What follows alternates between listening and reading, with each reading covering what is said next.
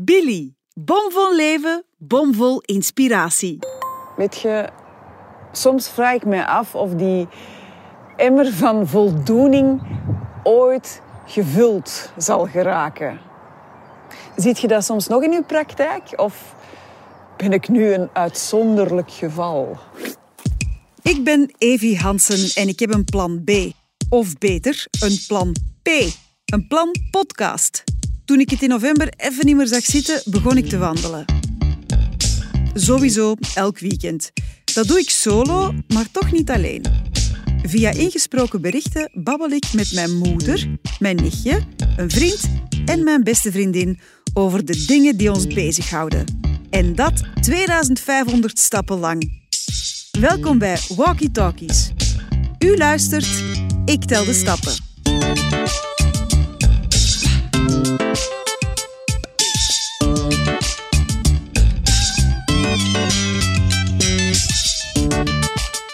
Dat je weer meeluistert en wandelt met Walkie Talkies. Vandaag babbel ik tijdens mijn wandeling via gesproken berichten met mijn vriendin Saar van Pottelbergen. Saar is even oud als ik, heeft ook twee kinderen, twee dochters die net iets jonger zijn dan mijn zonen. En uh, we hebben deze coronacrisis op een totaal andere manier beleefd. Waar ik vooral zonder werk kwam te zitten, kreeg zij het drukker dan ooit. Saar is seksuologe en psychologe, werkt in Brussel aan haar doctoraat en heeft ook een eigen praktijk. En dat doet ze thuis. En dan natuurlijk ook nog haar gezin. Bon, we hebben elkaar veel te weinig gehoord de afgelopen maanden. Dus ik heb heel veel zin in een goed gesprek op afstand. Joepie, Saar! We hebben eindelijk nog eens contact, zeg. Ja, ik wandel eigenlijk in uw achtertuin. Um, want ik ben op dit moment dan toch maar weer in het Stadspark beland. Voor mijn 2500 stappen. Um, maar jij bent nu aan het werk in Brussel. Heb je dan tijd om even mee te wandelen? En, en zin? tijd, uh, ja. En zin, ja. Ik ben kei blij, Evie, om u te horen. Ik vind dat altijd leuk. Um, zoals gezegd... Uh, heeft corona ook wel wat roet in onze dagelijkse communicatie uh, gebracht. Waardoor dat we elkaar veel minder hebben gezien dan wat we anders zouden doen. Um, waardoor dat er misschien wat afstand kwam. Maar dat wordt altijd weggeveegd als ik u hoor. Uh, dat is altijd super fijn om elkaar te horen. Ik ben nu in de achtertuin van het UZ Brussel. Op weg... Uh, naar beneden aan het wandelen. Voor mensen die in het UZ Brussel gekend zijn. Uh, Jette, dat, is, dat staat op een berg. En daar kan je naar beneden wandelen. Langs één baan waar heel veel auto's staan aan te schuiven. Zeg Saar, ik weet dat jij het super druk hebt. Um, want ja, wat ik alleen maar las in de pers, dat beaamde jij. Namelijk, het gaat niet goed hè, met de mensen. Um, Iedereen heeft het super moeilijk. Hoe beleef jij dat als psychologe? Is dat niet ontzettend frustrerend dat je niet iedereen kunt helpen, ook al zou je dat willen? Um, maar niet iedereen kunnen helpen, daar ben ik ook nooit van uitgegaan dat ik iedereen zou kunnen helpen. En ik vind helpen ook, ik, ik zit 14 jaar of 16 jaar ondertussen in dit vak. En, en ik heb geleerd om, om heel erg los te laten. Zo, waar dat ik vroeger zou gedacht hebben van... Ah, ik wil heel graag werken met mensen en met kinderen. En ik, ik, wil, ik wil iets kunnen doen. Ben ik nu steeds meer aan... Mijn, mijn rol is eigenlijk echt heel beperkt in wat ik kan doen. Voor mensen, ik kan wel zorgen.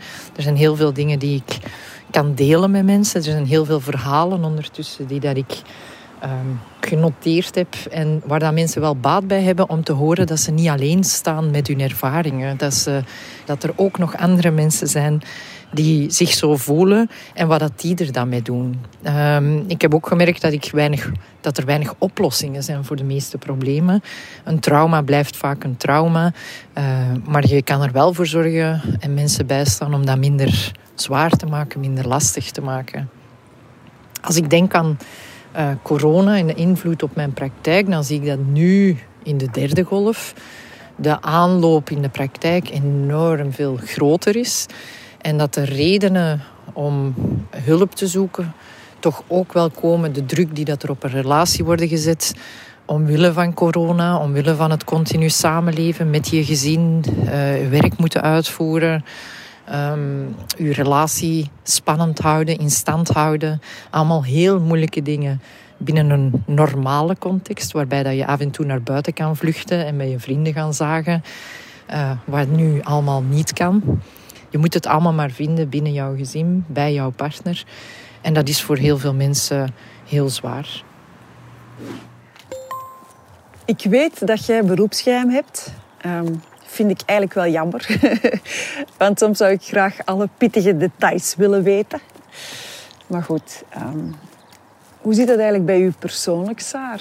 Uh, want jij bent nu vijf jaar getrouwd met Barbara. Of zes jaar getrouwd. Ja, ik zou dat eigenlijk moeten weten, want ik was getuige op, uh, op jullie trouw. Um, maar daarvoor waren jullie ook al uh, vijf of zes jaar samen. Jullie hebben twee kinderen. Heb jij dan nooit het gevoel van... Boah, het is allemaal wel wat veel? Of, of, of ja, is dit het nu? Ik snap dat je niet weet hoeveel jaar dat ik getrouwd ben. Ik moet soms ook nadenken welke dag dat ik getrouwd ben. Ik weet dat het eind augustus is, maar de dag zelf, dan kijk ik naar de uh, gravering in mijn ring. omdat dat eigenlijk een dag is die we als datum niet gekozen zouden hebben, omdat er een oneven getal in zit. dus dat is dan mijn uh, autistisch kantje. Um, is dit het dan? Nee, mijn relatie met Barbara en, en, met mijn gezin, daar hebben we nu in die derde golf wel zo onze weg in gevonden. Wij hebben een is dit het nu moment gehad, een jaar na ons huwelijk. Bijvoorbeeld uh, van hoe staan we tegenover elkaar? Hoe blijven wij als partner interessant voor elkaar? Hoe, uh, als, als wij tot de conclusie hadden gekomen dat het puur nog vriendschap was en respect voor elkaar, maar geen aantrekking niet meer, dan hadden wij toen beslist gezamenlijk om daaruit te stappen. En dat hebben we gelukkig niet gedaan. Sindsdien zijn wij veel beter beginnen praten met elkaar en veel beter. Er blijven wel momenten dat we elkaar absoluut niet begrijpen, maar dat zou heel verwonderlijk zijn als je elkaar heel de tijd begrijpt. Maar de spanning en de druk van corona op ons gezin, op fulltime werken, meer dan fulltime werken, combineren met je kinderen nog wat begeleiden. Het gevoel van tekortschieten is wel heel sterk aanwezig geweest, zeker in de eerste fase. Um, en is nog steeds echt een evenwicht dat je moet zoeken. Het is een heel moeilijk evenwicht. Uh, ik heb vaak als werkende moeder het gevoel van tekortschieten naar mijn kinderen toe. Maar daar kan ik heel goed mee leven, omdat ik weet dat ik voor hele goede omgeving zorg. Op dit moment, als die context van familie wegvalt, die ook uw kinderen mee ondersteunen, dan wordt dat gevoel wel heel erg in de verf gezet. Um, dat is lastig. Ik weet dat jij zegt, Evie, dat je zo door het co-ouderschap, dat je de helft van het leven van je kinderen mist. Um, heb jij het gevoel dan door corona een stukje terug meer zicht te krijgen op het leven van de kinderen, omdat, we, omdat jullie meer tijd kunnen doorbrengen samen? Of is dat een te rooskleurige invulling? Mai, goede vraag, Saar. Ik had het eigenlijk nog nooit zo bekeken. Um, maar ja, ik heb inderdaad nu veel meer tijd gehad om, om dingen te doen met mijn kinderen. Omdat ze ook minder naar school moesten. En ik ook zonder werk zat.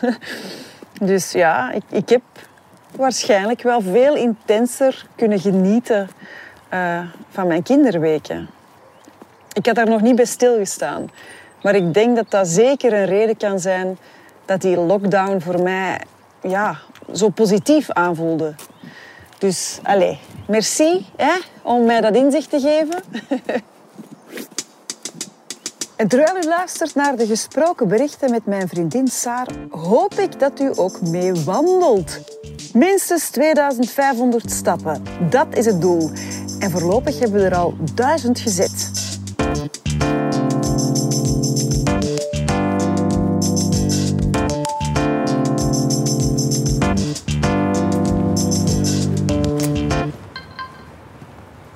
Heb u altijd bewonderd in uw mama zijn. Om, en, en wij doen dat ook op een hele andere manier. En ik vind dat heel schoon hoe dat jij dat doet. Hoe, uh, je kunt jezelf soms echt uitgummen, denk ik, ten aanzien van de kinderen. De, jij brengt de tijd die je doorbrengt met de kinderen, vind je altijd leuk. En bij mij is dat niet altijd zo. Ik, ik, ik wou heel graag mama worden. Ik wou heel graag kinderen. Maar ik vind de tijd die ik doorbreng met mezelf ook soms echt heel leuk. En ik ben niet in dat co-ouderschap, dus ik, die zijn er ook altijd. Ik kan er ook wel heel erg van genieten als die in bed liggen. of als die is gaan logeren bij iemand. Niet te vaak, maar ik vind dat voor jou is dat zoiets... Dat is zo natuurlijk en dat is zo schoon om naar te kijken. Daar heb ik altijd echt wel... Ja, heel mooi gevonden hoe dat je dat doet. Ze zijn ook super kort op elkaar gekomen, die jongens. En ja, zo de struggle dat ik in het begin heb gehad met die kleine kinderen, dat heb jij zo niet uitgesproken of zo op die manier. Oh, my Saar. Dat is super lief dat je mij dit vertelt. Maar misschien helpt het wel dat ik ja, eigenlijk nooit mama wou worden. Hè? En, en dan het moment dat ik dan toch aan kinderen dacht, ja, dan was ik eigenlijk al zwanger. En, en ik vond het eigenlijk meteen fantastisch als ik er was. En, uh, en ik wou meteen ook een tweede. Dus ja, dat moederschap, dat is echt een talent dat ik toevallig heb ontdekt. En uh, ja, misschien is het dat wel, hè. Om, omdat ik mezelf nooit als mama heb gezien, kon dat eigenlijk ook niet tegenvallen. Is dat iets wat je soms merkt in uw praktijk? Um, ouders die teleurgesteld zijn in het ouderschap. Bestaat dat? Waar ik vaak hoor, als je zwanger bent, ben je zwanger van een imaginair kind. En jij bent heel snel zwanger geworden. Ik heb er drie jaar over gedaan om van uh, inseminaties tot een voldragen kind te komen. In die drie jaar creëert dat wel een verwachting van hoe dat, dat babytje gaat zijn. Maar ondanks dat dat babytje heel erg verwacht en verlangd was, bij mij dan, was dat niet de reden van mijn bestaan ineens. Dat was niet de enige reden. Dus er was daarnaast was er ook nog ruimte voor mij, voor mijn partner, waardoor dat er wel een evenwicht was of zo. En wat ik merk is dat mensen wel allerlei ideeën hebben over hoe ouderschap hoort te zijn hoe dat ze dat moeten invullen. En als ze zelf geen ideeën hebben, krijgen ze massaal veel ideeën van anderen. Zo moeten dat doen. Nee, bij ons was dat anders. Nee, nee. Maar die slaapt niet gewoon omdat jij, hè, zo, je krijgt superveel ideetjes van anderen. Ik zeg het maar. Je, je doet ermee wat je wilt. Dat maakt mensen zot. Want als je een eerste kindje krijgt, dan ben je onwetend en je zoekt gewoon je weg om die persoon te leren kennen. Maar je krijgt soms niet de ruimte om die andere persoon te leren kennen. En soms blijft dat kind waar dat je zwanger van was in je hoofd, dat imaginaire kind, blijft het echte kind, het geboren kind, verdringen. En het is wel de bedoeling dat het kind dat, je, dat daar ligt, dat echt is, dat leeft, zijn ruimte krijgt als persoon. En niet het wenskind waarvan jij dacht, zou die blonde, blonde haren hebben, zou die blauwe ogen hebben, zou die op mij lijken, zou die de voeten hebben van de vader, hoe zou dat zijn? Dat is allemaal heel exciting, maar dat zijn zo kleine momentjes, dat is niet, hoe zou die een huilbui hebben, hoe zou die zich op de grond leggen als die niet echt akkoord, dat, daar, daar fantaseer je niet echt over. Je fantaseert over mooie, schattige, symbiotische momentjes, gezellig, gezellig met je kinderen aan tafel in de realiteit is dat niet altijd gezellig, omdat je allerlei dingen wilt. En dat kindje wil dat niet. En dan merk ik dat mensen vaak in teleurgesteld zijn. En heel erg luisteren naar al die ideetjes van al die andere mensen. En bij al die andere mensen gaat het goed. En bij mij niet. Ik ben raar. Och, Saar, je hebt mij weer iets doen inzien. Zou het kunnen dat het ouderschap mij ja, zo vlotjes afgaat omdat ik nooit dat kindje in mijn hoofd had? Ik heb mij echt nooit afgevraagd hoe dat zou zijn, het moederschap, maar, maar ook mijn kindje niet. Weet je, dat was een, een blanco papier. Alles was oké. the good and the bad. Ehm, en ik, ik was en ik ben vooral nieuwsgierig hoe dat mijn kind zich gaat ontwikkelen. Ehm, ja, tot welke persoon die zal opgroeien. Heb jij altijd psycholoog willen worden? Want ja, je hebt filmschool gedaan en dan seksuologie gestudeerd en dan psychologie.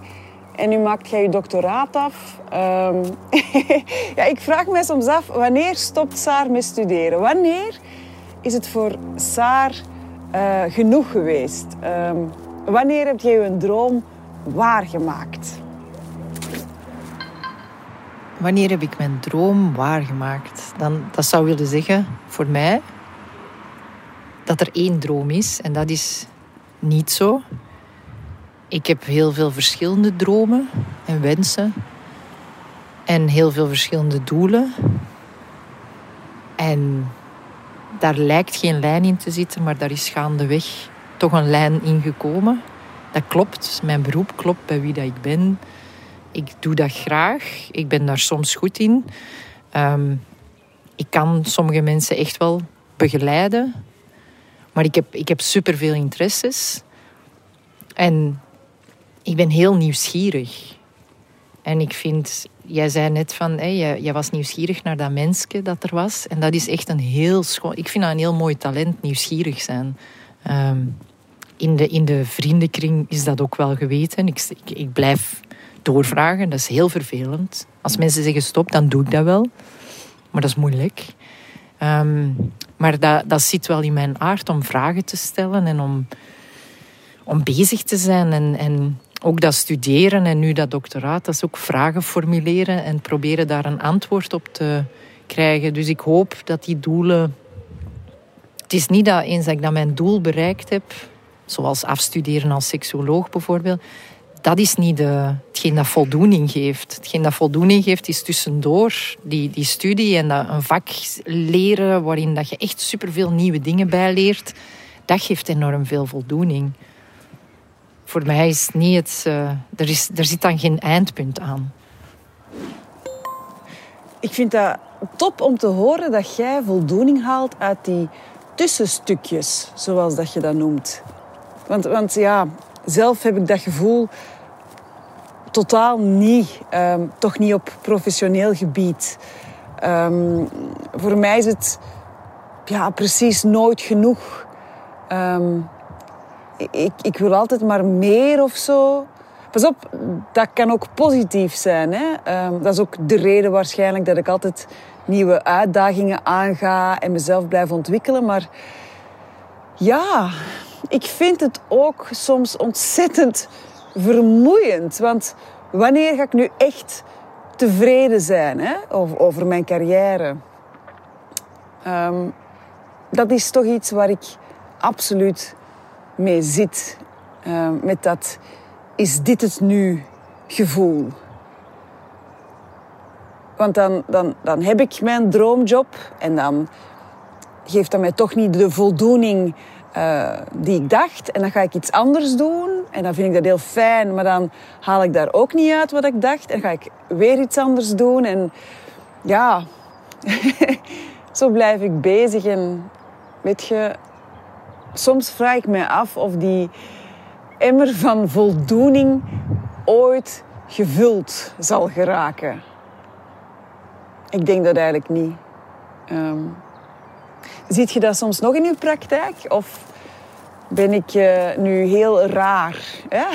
Ben ik nu een uitzonderlijk geval?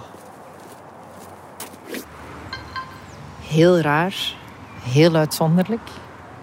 Niet. Maar als je, als je zegt van, hè, zo, dat is het streven naar een bepaald doel bereiken. Maar daar zitten allerlei verwachtingen bij van hoe dat, dat dan gaat zijn als je dat doel bereikt hebt. En als je niet in de tussentijd ook kunt genieten van de momenten die dat er zijn. Eh, een, een quote van John Lennon, hè, zo die Life is what happens while you're busy making other plans. Je bent maar heel de tijd plannen aan het maken. Ik vind trouwens niet dat dat helemaal van toepassing is voor jou. Ik vind je zelfanalyse ook wel heel streng. Um, maar zo het streven naar, ja, dat, dat komt niet enkel bij jou voor. Dat zit heel erg in onze westerse maatschappij. Je moet altijd, als je in de lagere school zit en je hebt gewoon plezier, wat ga je later worden? En dan word je dan, dan in de welke keuze ga je maken? En dan welke studie ga je nadoen? En het moet altijd maar meer en groter. En je mag niet te veel stilstaan. En je moet vooruit. En je moet stilstaan en blijven bewust een dag meemaken. Is toch wel ook een heel belangrijk iets. Om een beetje tegenwicht te bieden aan dat niet alles moet komen uit... Ik heb dat behaald, dat moment. Ik heb gehaald waar ik naar gestreefd heb. Maar nu voelt dat helemaal anders dan hoe ik me dat had ingebeeld. Veel mensen hebben dat ook naar hun trouwdag toe. En ik denk dat dat bij jou niet van toepassing was. Maar naar hun trouwdag, dat moet de shit zijn. Dat moet de moment zijn. Daar moet het uit halen. Dat, dat is het. Daar, dat is de gelukkigste dag. En soms is dat niet. Maar daarna komen er misschien superveel gelukkige dagen.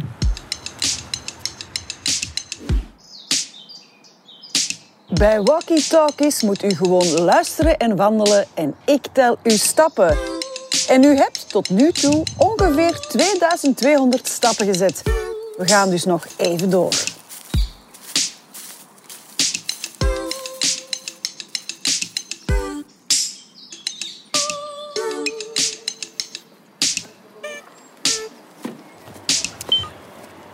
Oh, en nu moet ik denken aan uw trouwdag. Dat was fantastisch. Maar wel een goed voorbeeld dat jij aanhaalt. Ehm, maar ja, wil dat dan zeggen dat je best geen dromen hebt? Of dat je ja, niks mocht verwachten van het leven? Want dat lijkt mij ook wel saai. Ik denk mensen, wij, zijn heel menselijk als je doelen stelt. Dat is wat dat ons drijft. Dat is wat dat ons vooruit doet gaan. Maar alles opzij zetten voor bepaalde doelen en niet ten volle leven, dat is tegen menselijkheid in, want je hebt ook heel veel andere dingen nodig. Mensen die 30 jaar ten volle voor hun carrière zijn gegaan en die hun kinderen niet hebben zien opgroeien. Ik heb, ik heb weinig mensen horen zeggen van ik had nog meer tijd in mijn werk moeten steken. Ik hoor toch wel veel vaker zeggen van ik vind het wel jammer dat ik zoveel gemist heb van de mensen rondom mij. Waar ik nog even over dat trouwen wou zeggen. Uh, is dat het... Dat was fantastisch. Maar ik heb nooit gedacht om te trouwen. Ik kom, ben kind van gescheiden ouders. Dus dat, was niet, dat stond niet op mijn verlanglijst. Dus dat is nu misschien een van mijn niet-doelen. En daarom werd het misschien net echt super, super, super, super tof. Jouw trouwdag had ik gemist, want toen kenden we elkaar nog niet. Maar die was toch ook helemaal top? Wow, Mijn trouw, maar dat is lang geleden. Ehm, ja, maar ik moet wel toegeven, ik had dat ook niet zo goed voorbereid of zo hoor. Wij hadden dat nogal ja, rock en roll ingepland. Um, ik weet nog dat ja, een paar dagen voordat wij gingen trouwen, de mensen ons vroegen: ah, en uh, naar waar gaat je op reis? En wij zo, huh, op reis? Ze bedoelden natuurlijk de huwelijksreis. Daar hadden wij totaal niet aan gedacht. Dus ja, hmm ik ben eigenlijk meer het type van ik bereid niks voor en uh, ik geniet ervan. Of ik bereid alles voor, maar dan kan ik het ook niet loslaten en dan geniet ik er ook niet echt van. Dus ja. Maar uh, ik ga nu wel binnenkort opnieuw trouwen. Enfin ja, binnenkort, dat, dat weten we eigenlijk nog niet. Hè. Um, ooit gaan we trouwen, ik en Kurt als uh, corona voorbij is. Maar uh, wanneer dat is, ja, daar, daar verwacht ik dan ook niks van. Ik bedoel, ik, ik tel niet af. Um, ik ben niet bang voor een, een volgende lockdown. Um, ik besef heel goed dat we gewoon deze rit moeten uitzitten. Dus ja, ik heb zoiets van, weet je, maak mij maar wakker als het allemaal voorbij is. Ik zal u wakker maken. Als het voorbij is. Ehm, maar ik, ik vind ook wel dat je wakker bent. Je hebt gewoon... Je kunt echt heel erg nu blij zijn met wat er is. Uh, en dat vind ik heel fijn. In onze gesprekken het laatste jaar heb ik heel veel last, bijvoorbeeld van mijn vrienden niet kunnen zien, niet kunnen vastpakken, uh, mijn mama niet kunnen zien. En dat, dat vind ik altijd fijn als ik met jou praat. Dat, je kan dat wel relativeren voor mij of zo. Ik kan dat wel zo'n beetje terug resetten. Dus als ik ergens verwachtingen rond heb in deze tijd, is dat, het, dat er wel meer ruimte is voor andere mensen. Dat hoop ik wel, dat dat vrij snel komt en dat ik jou dan kan wakker maken om te zeggen dat andere mensen zijn er weer. Ah, maak mij dan maar zachtjes wakker. oh, Saar, ik vond het super tof om u te horen. En echt, het is hier ineens super grijs en overtrokken geworden. Dus uh, er staat ook een serieus windje. Dus net op tijd. Ik, ik ben uh, bijna thuis, ik ga naar binnen. We hebben toch wel echt ruim 2500 stappen gezet. Dus dat is goed gedaan, hè? Wel. Ik vond het zo tof om u te horen. Uh, hopelijk tot binnenkort in het echt. En heel veel liefs aan uw meisjes thuis. Hè? Dag! Lieve Evie, altijd fijn om jou te horen. Voor jou maak ik graag tijd vrij. Veel kussen voor thuis, voor de hond.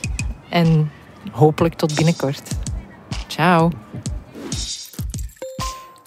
Fijn dat u weer luisterde naar Walkie Talkies. Als u met ons meewandelde, dan hebt u nu bijna 3000 stappen gezet. Dat is toch ruim 2 kilometer. Tot de volgende keer. Bye!